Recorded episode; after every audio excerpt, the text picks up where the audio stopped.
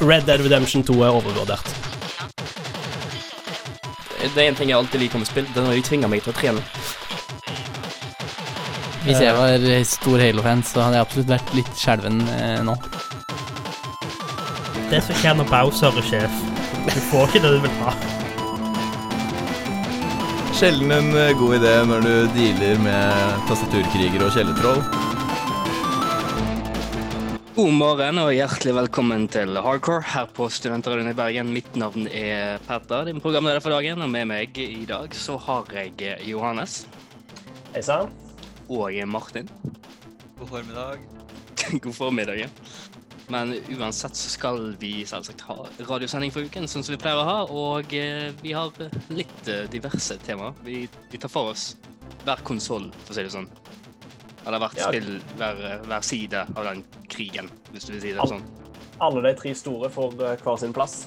Ja, det gjør de. For vi skal, nemlig først skal vi snakke om eh, Xbox GamePass. Vi snakket jo litt om abonnementstjenester og sånt forrige sending, men nå skal vi gå inn på hvorfor GamePass er den klare vinneren i denne situasjonen her akkurat nå, og hvorfor de er så bra. Og det tror jeg vi kan begrunne ganske lett. Og eh, så skal vi snakke om Til ære for Crash 4, som Johannes har spilt litt av, antar jeg. Mhm, det har vi. Det har han. Vi skal snakke og ta et tilbakeblikk på Crash-serien i sin helhet, hvor den, den triumfante starten gikk litt uh, ad undas. Og så til sist så har vi også et lite æressegment for uh, Nintendo 64. Som Johannes liker å kalle Nintendos viktigste fiasko. Og han skal få forklare hvorfor han gir det den tittelen seinere. Men før dette skal vi høre litt eh, musikk. Du hører på en podkast fra Hardcore og Studentradioen i Bergen. Hvis noen telefonbonde hørte på oss forrige uke, så husker du kanskje at vi snakket litt om abonnementstjenester og lignende. De streaming servicene på, fint engelsk. Og der eh, sa vi at eh, det ligger mye greit grunnlag eh, i de, men problemet er streaminggreiene som ikke er helt effektive, med mindre du har fibernett fra Google eller lignende. Men Xbox de, de, er, de er de smarte i den situasjonen. her. De har sin egen tjeneste som er det beste på markedet. Syns iallfall jeg. Jeg antar dere syns det òg. Jepp. With a long, eh, long shot, tror jeg man kan si. Jeg antar du er enig, Martin? Uh, Jeg er enig til den grad at jeg har eh, null idé om hva som er i de andre streamingtjenestene. Så Ja, det trenger du et, ikke å spekulere om, egentlig. ignorant, ignorant enighet. Det en sånn ignoranthet som jeg kan godta, fordi de andre er ikke verdt å bruke tid på, egentlig, når du har GamePass. Og det er litt fordi av måten de gjør det på. Så for de som ikke vet det, for de som ikke er så eh, med på eh, Xbox-siden av uh, konsollkrigene, for å si det sånn, de, eh, Xbox GamePass er en tjeneste som er på både PC og konsoll, alle Xbox-konsoller, selvsagt. Der du betaler Ja, du kan Det er vel fem 50 spenn Eller hun, nå, nå har det gått opp til 100. Eller det skal gå opp til 100 nå. 100 kroner i måneden på enten PC eller konsoll. Eller hvis du vil ha begge sider, så er det 150, selvsagt. Der får du med Xbox Live Gold og alle de greiene der òg. Og da får du tilgang til å laste ned og spille godt over 150 forskjellige spill med en gang. Og det som gjør den tjenesten så bra, det er nemlig hvor gode de spillene som er tilgjengelige, er. Fordi eh, Xbox har jo Om dere husker E3-konferansen fra i fjor, så han, og eh, litt i løpet av eh, det året som har gått, så har de jo kjøpt opp og har en del studio, spillstudier under beltet sitt nå. Og det har hjulpet den tjenesten her betraktelig. For Så- hvor, hvor mange aktive brukere er det nå av GamePass? Det godt over 10, 10 millioner, er det ikke? Ja, jeg tror det er en plass mellom 10 og 15, er det det jeg har hørt. Og det kommer jo bare til å vokse. Det, det kommer til å gå opp òg, spesielt eh, nå som eh, de nye konsollene er på eh, en, måned, en liten måned unna. Og pga. Betesta-oppkjøpet, så tror jeg dette er, Ja, det, kommer det til å vokse der òg. Altså, jeg har også alltid møtt en del eh, kritikk fra PlayStation-eiere om at liksom, hvordan kan du ha en konsoll hvor du må betale for gold? Altså betale for å spille på nett. Men det som er så genialt med GamePass, er at hvis du allerede har gold, så oppgraderer den alle månedene dine med gold til GamePass Ultimate. Så jeg har 15 måneder som kostet meg det samme jeg uansett ville brukt for å kjøpe gold et år. Har, har folk brukt det som en kritikk? Ja, altså For du må jo ha PlayStation Du må jo ha PlayStation Plus for å spille online òg. må, Ja, må du det? Må Ja. ikke Ja. det? Ja, ja, på PlayStation 4 må du det. Ja, men ikke før. Ja, på PlayStation 3 så var det gratis, men eh, det nett... eh, Det var jo, De serverne der var jo totalt fuckings ustabile. Det var ikke verdt det. Så eh, Ja, det var der alle ble hacka hele tiden. Da. ja. Åh, hva, hva så var det? Når, eh, når eh, vi traff juletider og nettverket til Sony bare ned i sånn to uker. Jeg tror det var enten 2010-2011, tror jeg det var. Mm, Det var den verste tiden i min Jeg, husker det veldig godt. for sånn, Jeg hadde nett, nesten nettopp fått en PS3 òg. Jeg, fikk- jeg fikk en PS3 sånn midt i livssyklusen til han, og så gikk det sånn et år der jeg kunne kose meg og sånn. Og så bare plutselig traff vi inn julen etter jeg fikk han. Hadde ikke fått, hadde ikke fått et år med han engang, og så plutselig var bare alt ned i to, må- to uker, og jeg eh, var bare lei meg. Ja. Det var ikke en god periode. Så jeg ville heller betalt for et bedre og bedre internet, en bedre internettservice på den tida. Så nei, Xbox GamePass, altså Det var jo kanskje den største grunnen til at jeg faktisk nå har kjøpt en brukt Xbox One. For nå følte jeg at eh, nå har jeg value for å kjøpe en ny konsoll. Nå slipper jeg å kjøpe inn en hel haug med spill. Nå kjøper jeg konsollen, betaler 125 kroner i måneden, og så har jeg tilgang til en stor andel spill. Så for min del så var GamePass liksom den siste, siste biten for at jeg eh, kjøpte meg en Xbox. Ja, for eh, jeg har eh, Selvsagt, jeg har alltid vært en eh, trofast uh, Sony-pony, men nå de siste årene som jeg har klart å jobbe meg opp til en rimelig grei PC, så har jeg jo selvsagt tatt nytte av uh, GamePass-tilbudet på PC. Og eh, ingenting å si på at det er betraktelig bedre enn noe andre tilbyr. F.eks. PlayStation Now, som er liksom motparten på Sony sine konsoller. Den, den er ikke grei. Hvorfor det? Vel, for hovedsakelig mest fordi du må streame ting. Ok. De sier selvsagt altså du kan laste ned noe som gjør at du får mindre latency eller mindre nettproblemer, men det er ikke så mye hjelp som du tror. Jeg husker før Borderlands uh, remaster og sånt kom ut, så var det sånn en, en prøveuke på PlayStation Now, og jeg da tenkte å kult, jeg kan gå tilbake og spille sånne gamle PS3-spill, det blir jæklig kult, jeg kan se om dette er bra. Prøvde Borderlands uh, originalen, prøvde å laste det ned. Det var et halvt halvt sekunds delay på alt jeg gjorde, selv om jeg lastet ned på forhånd. Og et halvt sekund høres ikke ut som så mye, men i, i gamertid så er det betraktelig mye. Gamertid er det på mange år. Det, det, all latency er merkbar hvis du er vant til å spille på, eh, ja, på rimelig gode plattformer. Så det, det er ikke greit. Og for å nevne, og ikke for å nevne at katalogen ikke er noe stort. Du har satset alle de store PlayStation-eksklusivene, som hovedsakelig er godt tilgjengelig. Jeg tror mange av de eh, i Sony-katalogen er gode der, men uh, ikke med den latencyen, altså. Beklager, Men- Sony.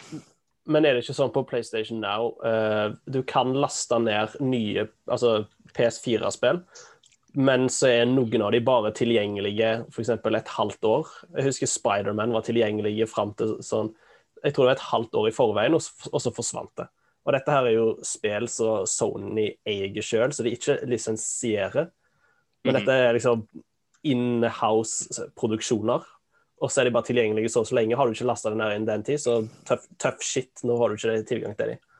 Ja. det, det har jo ikke GamePass, for det er jo i hvert fall de som Microsoft eier sjøl. De er jo der ja, hele tida. Det er veldig få da, som de altså sånn, de, har, de har ikke noen store eksklusive titler annet enn Halo og Forza, egentlig. Ja, og så kommer jo litt de, de nye nå som vi har kjøpt opp studioer og sånt, med Hellblade og, og Outer Worlds og sånt. Men eh, ja. Um, Men det er i hvert fall det. De fjerner det ikke. Ja. Det er det jeg har hatt eh, problemer med med PlayStation Now. De uh, titlene på Xbox uh, GamePass merker jeg jo at har betrak betraktelig lengre uptime, eller tid på uh, plattformen, enn noe annet. Sånn, når jeg ser på den her nå rett foran meg, så er det sånn OK, de har en fin liste over spill som forsvinner snart. Der er det f.eks. sånn akkurat nå Saints Row forlater eh, 16. oktober, og det har vært der i godt over et år. Og dette er GamePass. Så Ja. hvis, du, hvis det har vært der et år, og du har hatt tjenesten i et år, og du ikke har spilt det, så har du ikke tenkt å spille det uansett. Mm. Det er mer sånn Ja, det, det, er grei, det er grei tid å ha det der, liksom. Og selvsagt, alt som er Xbox eier, det, det forblir der. Så det er jo en fordel. Det, det klarer ikke Sony å gjøre engang. Men siden vi er inne på GamePass, hva Nå ser jeg på de mest populære her, da. Jeg lurer på om dere er enig med dem. For nå eh, De har alltid en sånn liste over de mest populære. Jeg vet ikke hva, om de ser på antall nedlastinger eller lignende. Men akkurat nå så har vi titler som No Man's Sky. Ligger ganske høyt oppe der.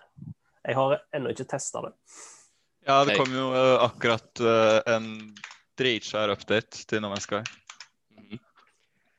Så har vi Human Fall Flat, selvsagt partyspill, partyspill for hele familien. Eller for, for venner som har lyst til å hate hverandre. Halo The Master Chief Collection den ligger oppe. Den er veldig stabil og veldig lovende på PC. Veldig godt valg. World War C er faktisk et av de mest populære spillene akkurat nå. Ok. Om, om dere husker det? Uh, hva? Jeg husker filmen, i hvert fall. Fordi spillet kom ut i fjor, eller i forfjor. Det Ja, i fjor. Gans, det kom ganske langt etter både filmen og boka. det, jeg tror det er mer basert på uh, bøkene. Jeg spilte det på uh, PlayStation, og det var en veldig god Veldig god zombie-hodeskytterspill.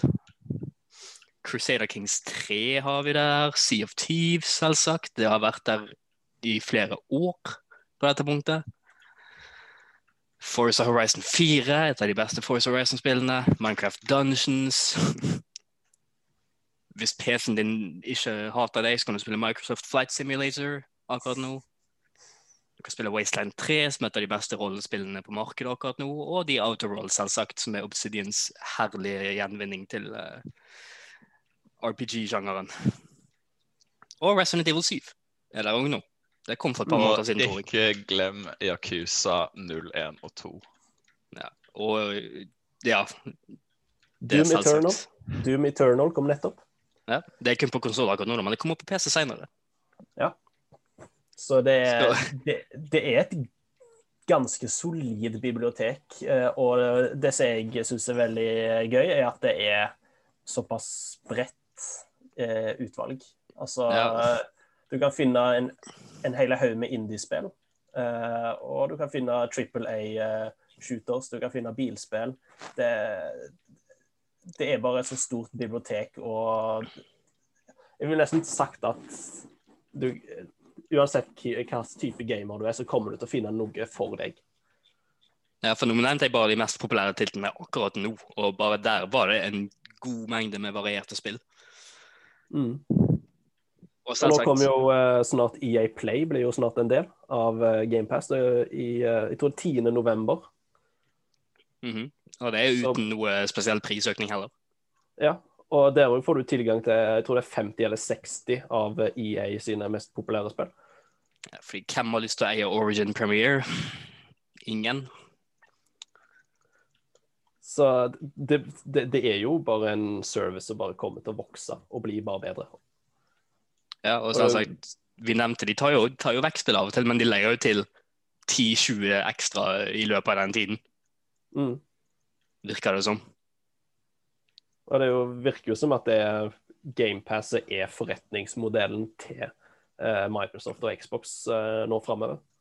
Ja, og det, det ser ut til å funke eh, veldig bra på den måten. For selvsagt, de, de trenger ikke å selge så mange konsoller som Sony når de bare kan pumpe ut GamePass-abonnementer på den måten her, med alle titlene de kan få inn her. Jeg tror det, jeg tror det er rett. Jeg tror det er rett løsning for Microsoft å gå den, uh, gå denne retningen. Mhm. Etter i hvert fall å ha slitt mye med Xbox One, så er det fint å se at Microsoft faktisk har kommet seg på rett spor nå og har, har liksom en klar plan for eh, hva forretningsvei de vil gå. Ja, altså, jeg føler etter den katastrofale E3-konferansen i 2012, tror jeg det var, eller var det 13? Jeg tror det var 13. Ja, 2013, for det var da begge konsollene kom ut. Etter den katastrofale eventen der med Jeg husker ikke hvem forrige CEO-en var, men han var eh, tidenes rasshøl. Eh, Etter den så har det bare vært en ren vei. En pil som peker oppover hele veien. Og det, det liker jeg å se, selv om jeg er en Sony-fanboy. Jeg eh, bare liker spill generelt. Og hvis jeg kan få de mer rimelig hvor tid som helst, ja, OK. Funker for meg. Skal ikke se vekk fra at jeg er en Series S i rimelig, innenfor rimelig kort tidsperiode. Det... det, det er liksom det, de, de, legger, de legger litt vekt på det òg, at hvis GamePassen er såpass bra, så kan de sikkert selge mer konsoller òg. Uten tvil. Men er det noe vi savner på GamePass? Eh, noe vi ønsker skal komme der? Jeg vet i hvert fall Martin er i hvert fall eh, gira på et par spill som han vil skal komme der. Ja, altså, jeg vil jo gjerne spille ferdig Yakuza-serien. det er Ja. alt, alt jeg vil med livet mitt for tiden. Men eh, generelt, altså med GamePass uh, Jeg er litt av den oppfatning at de kunne ha rotert sortimentet litt raskere. Fordi jeg liksom eh, I hvert fall for en som bruker det på både konsoll og PC. da. De, jeg har sett alle de spillene der i mange måneder uten at det kommer så mye nytt. Nødvendigvis. Kommer liksom litt her og der. Så sånn sett så Jeg syns de kunne blitt bedre på kanskje legge til eh, mer eh, av lavere tier-spill. Bare sånn at det holder litt mer fresht. Ja, for jeg har tenkt på det, for det som jeg kanskje savner med GamePass, altså jeg syns det er et godt utvalg av indie-spill, men jeg skulle ønske at det hadde vært flere. For jeg syns GamePass er en veldig god mulighet for å teste ut ja, enkelte indie-spill som du kanskje ikke hadde spilt hvis det hadde vært Liksom du måtte betalt for ett og ett spill. At uh, nå kan du utvide horisonten din for, uh, for, spill. Så jeg eh, hadde også satt pris på litt, litt mindre uh, ja, type indiespill på GamePass. Ja, jeg kan si eh, eh, Det hadde vært uh, jeg, jeg har ikke noe sånn store klager over at nå, men det er mest fordi jeg, ikke, jeg, jeg har ikke kommet hjem- meg gjennom så eh, mange av de titlene som allerede er der. Utenom alle Yakuza-spillene, selvsagt, men de har jeg jo spilt fra før av òg. De måtte bare spille igjen fordi jeg er såpass fanboy. Det er lov. Ja. Metal Gear Solid-spillene skulle jeg ønske var på GamePass. Jeg vet 203-en var der nettopp, så de har jeg fått lasta ned, men så ble jo de fjerna. Så nå hadde jeg håpet at eh, Jeg tror firen var vel kanskje ikke på Xbox. Men eh, de fleste av Metal Gear Solid-spillene har vært uh, gratis med Xbox Live Gold. OK, ja. Nei, for det, det står liksom på lista mi over ting som jeg må spille. Og hadde det vært på GamePass, uh, i hvert fall da firen og Var femmen på GamePass nå? Det vet jeg ikke. Nei, hadde det, de, de to kommet, i hvert fall. Da, da hadde jeg vært fornøyd. Spørs om eh, Konami liker å være så greie, da. Men Ja, Konami liker ikke å være greie punktum. nei, det gjør ikke det. Men før jeg går helt av banen og snakker om Konami, for det kan jo være et helt, helt eh, segment i seg sjøl, så uh, tenker jeg vi konkluderer med at GamePass det er the real deal, og at uh, ja, det kan selvsagt som alt ha litt forbedringer eh, bak scenene, men akkurat nå det er ingenting som slår det. Det er en bra value for pengene. Den er ekstremt god. Sel selv om det har gått opp til 100 kroner nå, fortsatt verdt det. Garantert. Men det var nok om uh, GamePass. Litt uh, senere nå skal vi snakke om uh, Crash-serien, men før det men så skal vi høre Lance Georg med Altfor farlig.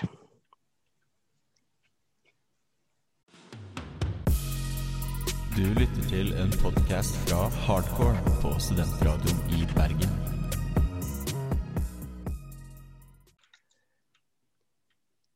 Vi går videre fra litt uh, Microsoft-preik til litt uh, Sony-preik. Eller iallfall det som var Sony-preik uh, før i tiden. For nå skal vi snakke litt om Crash-serien. Crash Bandicoot-serien, selvsagt. For, for, for, et par dager siden så fikk vi endelig en ny tittel i Crash-serien. Crash 4. It's About Time. God tittel. Og, og, det var jaggu på tide. Det, det, var jaggu på tide, for det har gått tolv år siden vi fikk et spill i hovedserien. Og basically 20 år siden vi fikk et bra Crash Bandicut-spill i hovedserien. Ja, fordi du har originaltrilogien fra nå til dag, og etter det så er det ingenting vi har lyst til å snakke om. Men vi skal selvsagt snakke om det, for vi hater oss sjøl. så, Crash Bandicut. Hva går det ut på? Jo, du er spiller selvsagt som Crash Bandicut. Han hva er en bandicut? Han er, han er en bandicut. Men hva han, er en bandicut? Dette er en rekke med plattformerspill. Selvsagt du har sidespill som er uh, racingspill og partyspill og Endless Runners. Du har et par av de òg. Men det er Crash Bandicut og plattforming, uh, plattformingen hans vi skal fokusere på. Og det hele begynte i 1996 med Crash Bandigut. Selvsagt kort og greit navn. Det kom ut og var lagd av ingen ringere enn Naughty Dog. Jeg tror alle vet hvem det er i denne dagen. I disse tider. Ja, de er jo et lite indieselskap. Et lite indieselskap. De har selvsagt lagd hele Uncharted-serien og The Last of Us-spillene. Jack and Daxter. Ikke glem Jack and Daxter. Ikke glem Jack and Daxter. Takk for den. Det, de, er det én ting de kan, så er det kvalitet. Mm. Men de uh, hadde sine rolige begynnelser i 96 med Crash Bandicoot. Har vi noen uh, minner fra uh, den tiden? Altså, nå, nå, tror jeg Crash Bandicoot kom ut før noen av oss ble født. Ja, men kom... Crash, Crash Bandicoot Ja, det første kom jo ut inn i 96. Ja. Så Crash Bandicoot 2 i 97. Og så og 3 i 98. De bare pumpet ja. de ut. Og det, de, de, har jo I hvert fall de tre første spillene er jo solide.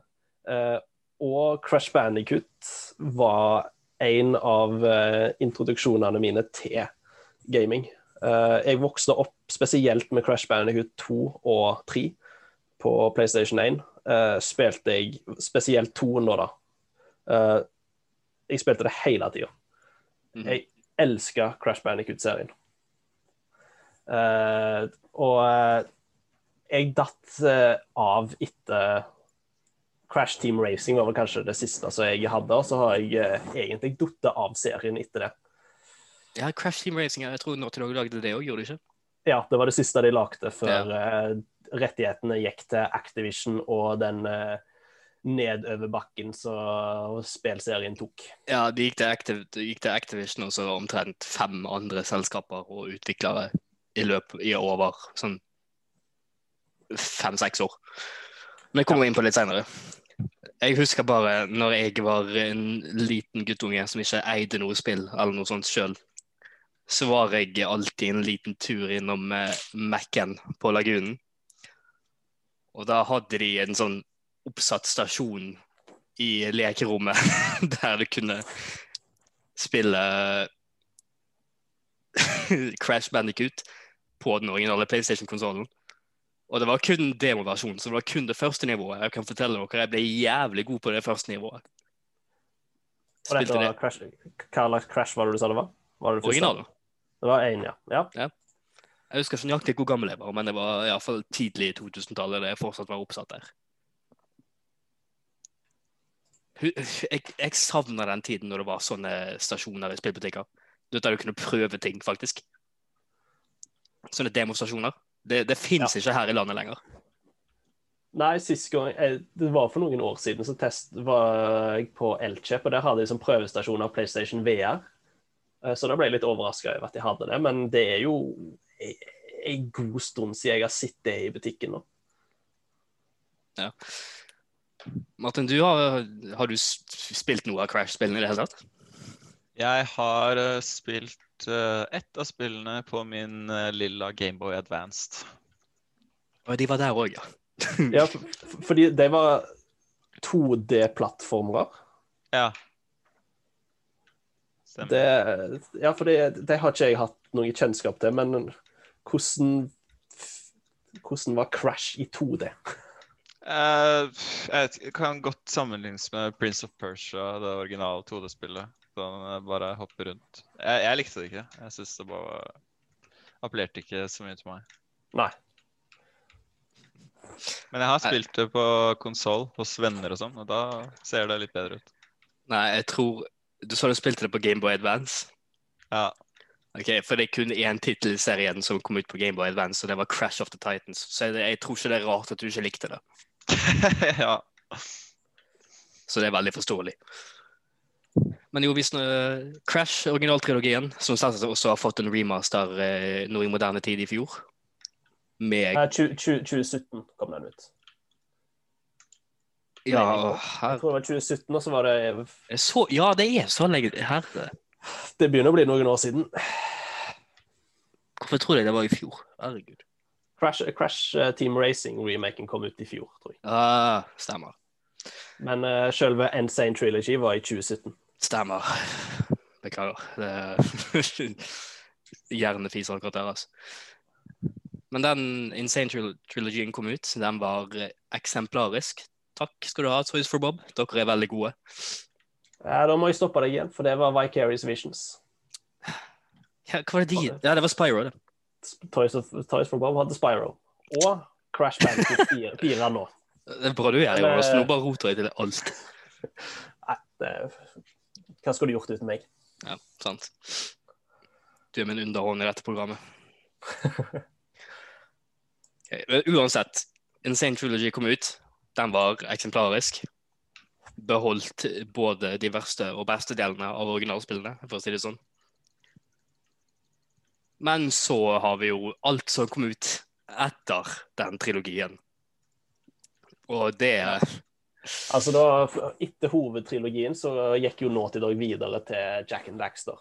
Og eh, rettighetene ble vel solgt til Activision. Da var det jo ikke PlayStation-eksklusive lenger, og da uten eh, å si, noe form for kvalitetskontroll, virka det som. var Activision en ting på den tiden. Tidlig 2000, ja. Var det? Activision er jo et av de eldste spillselskapene. De eh, daterer jo tilbake til 70-tallet med Pitfall på Atari. Activision var, er, var, var jo enda større på 2000-tallet enn det de er nå. Jeg er bra Ja, vi har deg her, Johannes, så du kan rette på alle feilene våre.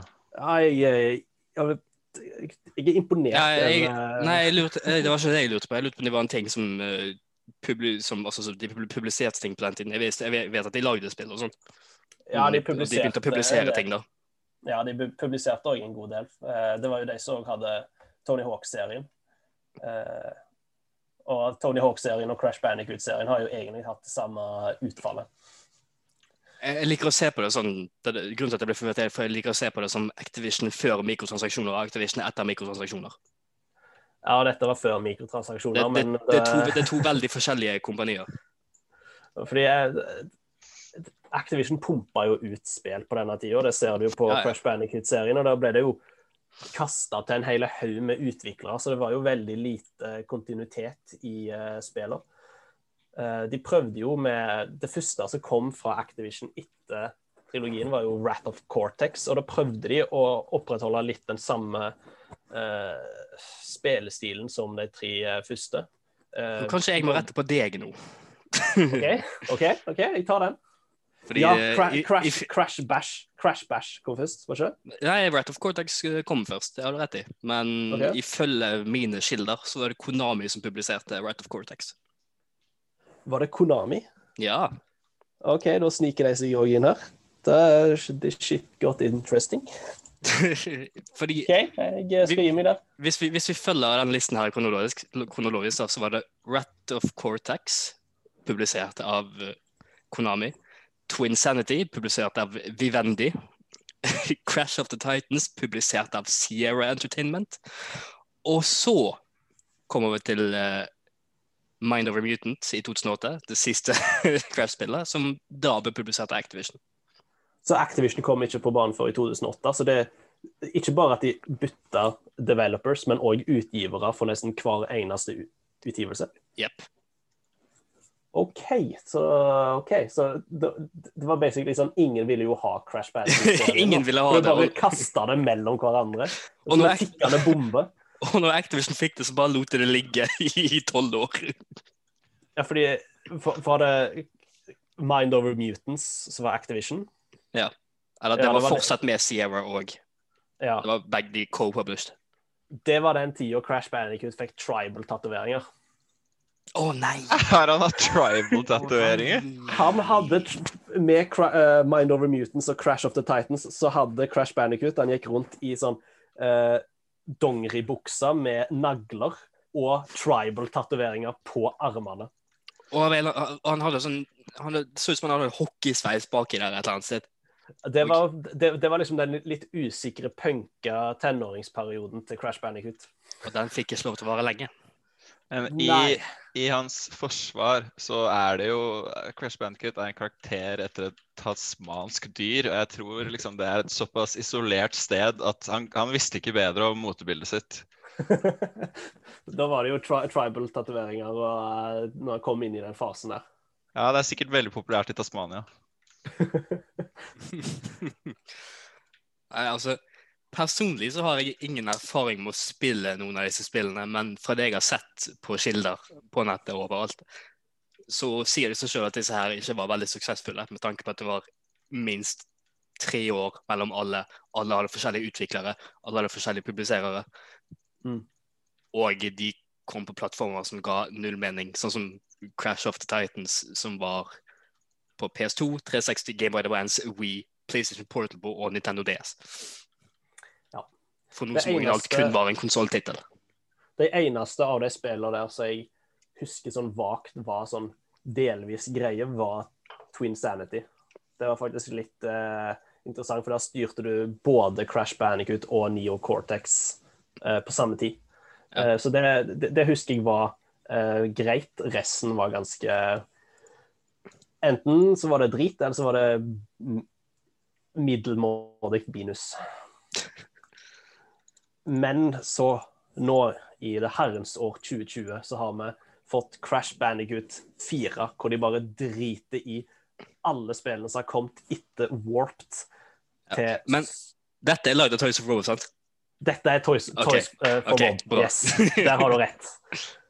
Og de har gjort en så sinnssykt god jobb med Crash Bandicoot 4. Eh, jeg fikk jo eh, anmelderkode av Activision, så snille som de er. Mm. Og denne helga så har jeg kost meg med Crash Bandicoot 4. Og det, det er det, det er det samme som de tre første spillene. Du får det du forventer. Uh, ikke så mye mer enn det. Det er litt nye gameplay-elementer.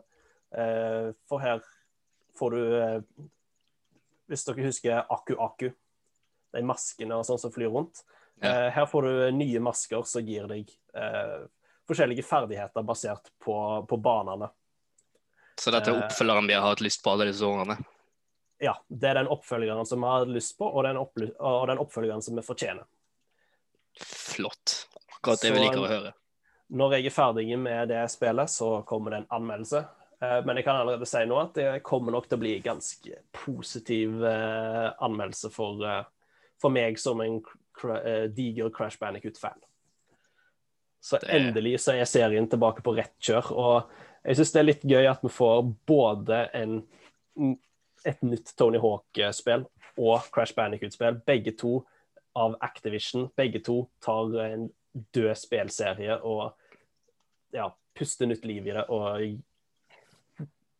det, det gjør meg så varm i et uh, dårlig år som 2020 at vi får sånne gode spill som dette.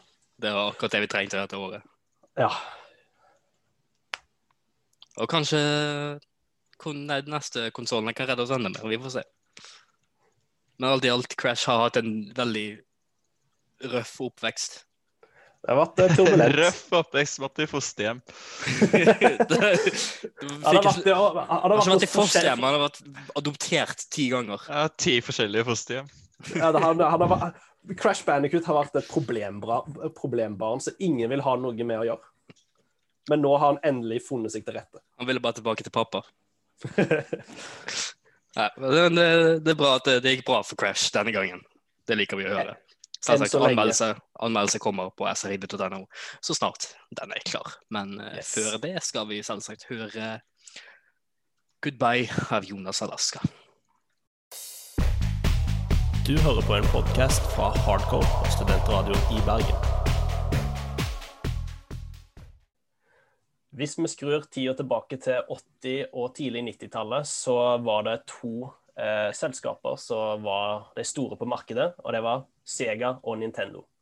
Eh, Nintendo endte opp med å dominere markedet til slutt, eh, med Nintendo Entertainment System og Super Nintendo. Men så skjedde det en ting i 1996. Sony PlayStation kom på markedet. Og Nintendo sin nye konsoll, Nintendo 64, den eh, ble sett på som en fiasko og kjørt i grus av Sony PlayStation. Men jeg eh, vil kjempe for at eh, Nintendo 64, eh, om det ikke er den beste fiaskoen til Nintendo, så er det kanskje den viktigste fiaskoen eh, som har skjedd Nintendo. Jeg kan jo først si hvorfor det ble en fiasko. Og Ja, for det var ikke akkurat eh, imponerende salgstall. eh. Nei, altså det var jo kanskje greie tall, men eh, de solgte jo betydelig mindre enn eh, PlayStation. Eh, Nintendo 64 solgte i underkant av 33 millioner eh, konsoller. PlayStation 102,5 millioner. OK. Så det er ganske stor forskjell her. Eh, men det som er litt interessant å se på eh, salgstallene til Nintendo 64, var at mesteparten ble solgt i Nord-Amerika og Europa. Konsollen solgte bare fem millioner eksemplarer i Japan. Seriøst? Fem millioner eksemplarer ble, av Nintendo 64 ble solgt i Japan. Ei. Den ble, Sega Saturn outsolgte Nintendo 64 i Japan. Og Sega Saturn jo, var jo en enda større fiasko. Den solgte i underkant av 10 millioner, men den solgte mer enn Nintendo 64 i Japan. Jeg var helt ærlig, men jeg glemte at Sega Saturn var en ting som eksisterte. Ja. Enkelt og greit. Men Var, var det en del av konsollkrigen på den tiden? eh, de prøvde. De skal, ha, de skal ha det. De, skal, de prøvde. Men det er jo veldig interessant at en så stor japansk konsoll, eller et stort selskap som Nintendo, selger så dårlig i hjemlandet, sin, i hjemlandet sitt. Uh, Det, det gir liksom ikke logisk mening i hodet mitt her. Jeg vet ikke hvorfor. Uh... den store Ah, nei, vet, jeg tror jeg vet hvorfor. Ja, hva tror du det? Det, eh, jeg, tror, jeg tror det er litt, har litt å gjøre med at mm, det var en eh, ganske stor mangel på det ene Japan er ekstremt glad i, og det er rollespill. Nettopp. Det, Ja, det er, er det faktisk det? Var det en grunn? det, det, det er grunnen til at uh, Nintendo 64! Er du japaner, eller, Petter? Det der er kan- in depth eh, kulturkunnskap. God damn. Du aner ikke hvor glad japanske folk er i roller. Har du sett alle rollespillene som kommer ut fra det landet? Og, og Ja. hvor, god, hvor kvalitet de er? Ikke rart, de er glad, i- ikke rart de er glad i de. Men det var jo nettopp dette her. Final altså- Fantasy, hallo? Ja, fortsett, Johannes. Final Fantasy kom jo ikke på Nintendo 64. Og det, Final Fantasy og Chrono Trigger var jo lenge Det var jo Nintendo som hadde det. Alle Final Fantasy-spillene kom jo på uh, Nintendo, uh, NES og Super Nintendo. Men her så bytta Final Fantasy over til PlayStation. Der fikk vi Mm. òg oppfølgeren til Chrono Trigger, Chrono Cross, som òg liksom sitter på som de store innenfor JRPG-sjangeren. Og grunnen til dette var jo fordi Nintendo 64 holdt, beholdt kassettene, mens PlayStation gikk over til CD. Og tingen med de, de, de kassettene her hadde jo betydelig mye mindre plass enn CD. Og for det her store trippel A, storbudsjett, eh, lange JRPG-er, så var det ikke hold, holdbart å ha det på kassett. Så det gikk det over til Sony og til CD. Så det vil jeg si er den største grunnen til at Nintendo 64 ble en fiasko, var mangelen på tredjepersonsspill og JRPG-spill. Og ikke minst prisen på spillene. Ja, for det var vel mange jeg antar det var mange utgivere som så at PlayStation hadde betydelig bedre utviklervare, og derfor bare ga spillene videre til de. Ja, fordi altså, Nintendo 64, konsollen i seg sjøl, var sterkere, var mer kraftfull enn PlayStation 1. Det var en mye bedre konsoll, men problemet var ka eh, de kassettene her. For det første, de kassettene ble lagd av Nintendo. Du måtte kjøpe de igjennom Nintendo. De var, dyr, de var dyre å produsere, som igjen betydde at de var dyre på markedet. Det var dyre for forbrukerne å kjøpe. Et, her, jeg, så, jeg har faktisk sett en kvittering av noen som kjøpte Nintendo 64-spill nytt her i Norge i 90, 98. 97 eller 98, det var Ocarina of Time. Da kosta det 800 norske kroner. What?! På den, på den tiårs valuta, hvis du justerer det etter inflasjon, så vil det si at det spillet koster 1200 kroner. Jeg, altså, for å si jeg har, jeg hadde betalt det for Ocarina of Time. Ja, det er ikke det jeg sier, men Men ja, det 1200 kroner. Og nå i dagens dato så klager vi over at uh, PlayStation 5-spill skal koste 700 kroner. Du, kan kjøpe, altså- du kan kjøpe en brukt PS4 for den prisen akkurat nå. Ja. Men nå har jeg i hvert fall sagt hvorfor Nintendo 64 var en fiasko.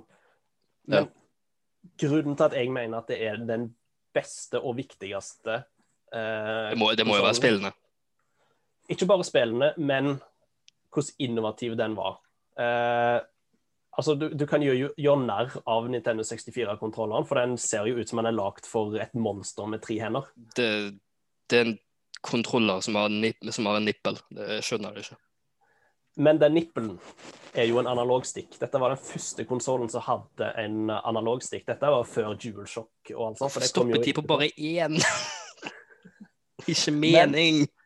Det var her analogstikken starta. Det var Nintendo som revolusjonerte 3D-gaming med at du kan styre 360 grader.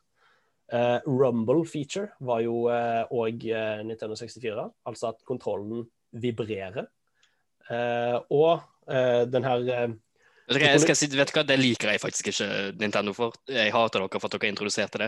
Jeg, Rumble i spill, med mindre det er liksom ting på Switch, eller hvis du faktisk trenger det. Så jeg, jeg har ikke lyst til at kontrolleren min skal vibrere fordi jeg skyter noen i Call of Duty. Dra til helvete. Men det har blitt en standard. I, Ja, jeg eh, liker ikke den standarden, men OK, greit. Men dette var jo sånn Nintendo som kom med dette.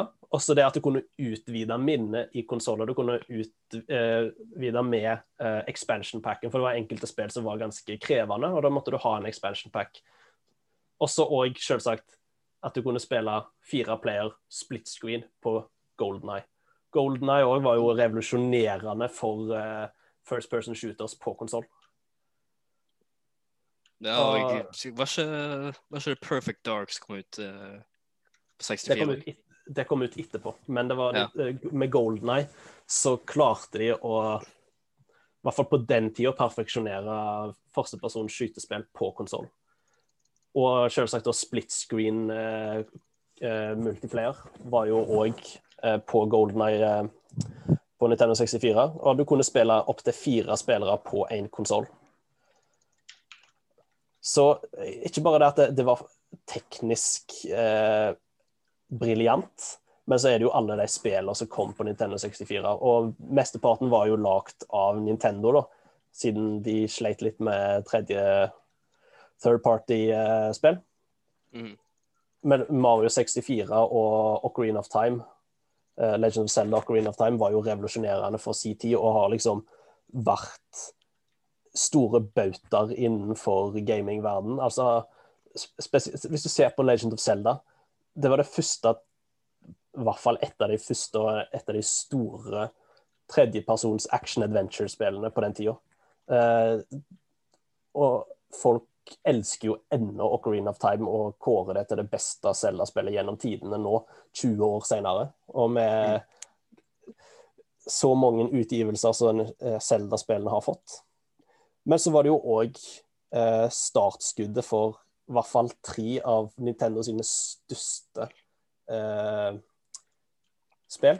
Mario. Party Mario Party er kanskje det, er det første. Det var jo eh, Jeg teller det som en av de største. Ja, jeg gjør det. Ja, det, det er jo Ja, det, ja. det er jo et av de mest solgte eh, spillene på Switch True. nå. Paper Mario hadde sin start på eh, Nintendo 64. Åh. OK. Og, og selvsagt Super Smash Brothers. Starta på Nintendo 64. Så det sånn, De tre Ah. store seriene starta på Nintendo 64. Har liksom vært med i biblioteket til Nintendo opp til, opp til nå. Så det er derfor jeg mener at det er Nintendos viktigste fiasko. De var revolusjonerende, og de lagde noen av de beste spillene som har blitt lagd, og lagd nye serier. Jeg vet ikke hva, jeg kan ikke si meg uenig med noe, nesten noe av det du sa, utenom Rumble Packen. Han kan dra til helvete. Jeg kan si jeg er veldig uenig med Mario Party. Jeg syns ikke det er et spill engang. Det er et brettspill på konsoll. Det, det er dårlig spilldesign i en fin pakke.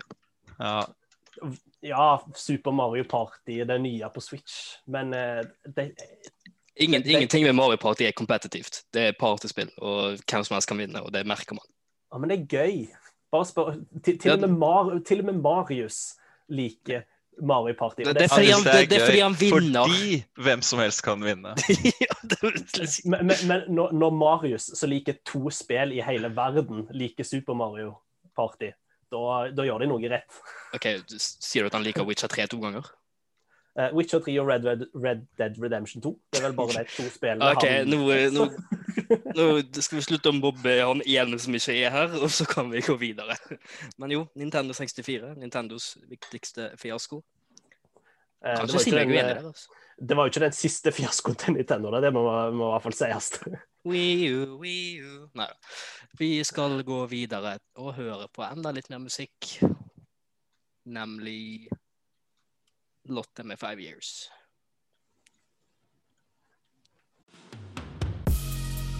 Du lytter til en podkast fra Hardcore på Studentradioen i Bergen.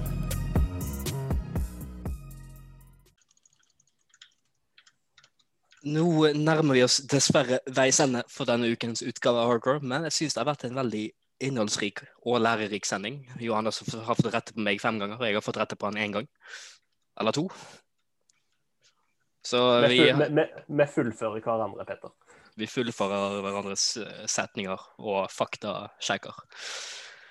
sagt, vi snakket om Microsoft og Sony og Nintendo på hver sin måte. Crash-serien har hatt sin turbulente tid, men er nå endelig tilbake der han fortjener å være. Iallfall ifølge Johannes. GamePass er det beste Det markedet. Ja. GamePass er ingenting som slår det akkurat nå, og det kommer sikkert ikke til å bli slått heller. 15 millioner abonnementer er enig med oss. Og selvsagt, Nintendo 64 solgte ikke bra, men det var kanskje en av de viktigste og beste spillkonsollene gjennom tidene, har vi konkludert. Kanskje si meg uenig med det. Selvsagt, vi Du finner oss eh, på Instagram og Facebook og alt sånn. Jeg har en Super Mario 3D Allstars-anmeldelse i arbeidet. Og Johannes har en Crash 4 It's About Time-anmeldelse. Ikke langt under den heller. Alt det kommer. Vi kommer selvsagt til å bruke YouTube-kanalen vår ganske snart. Kanskje vi skal spille litt Untitled Goose Game? Siden det er en Ja, kanskje liten det. Kanskje det. Kanskje vi gjør det. En liten oppdatering der med, med multiplayer. Hva er bedre enn én uh, goose? Nei, det er to goose. Så alt dette kommer til en mobil- eller PC-skjerm nær deg i nærmeste framtid, forhåpentligvis. Men før det skjer, så må vi si farvel her. Jeg har vært Petter med Hardcore og Johannes og Martin, og vi sier farvel. Ha det bra. Takk for oss.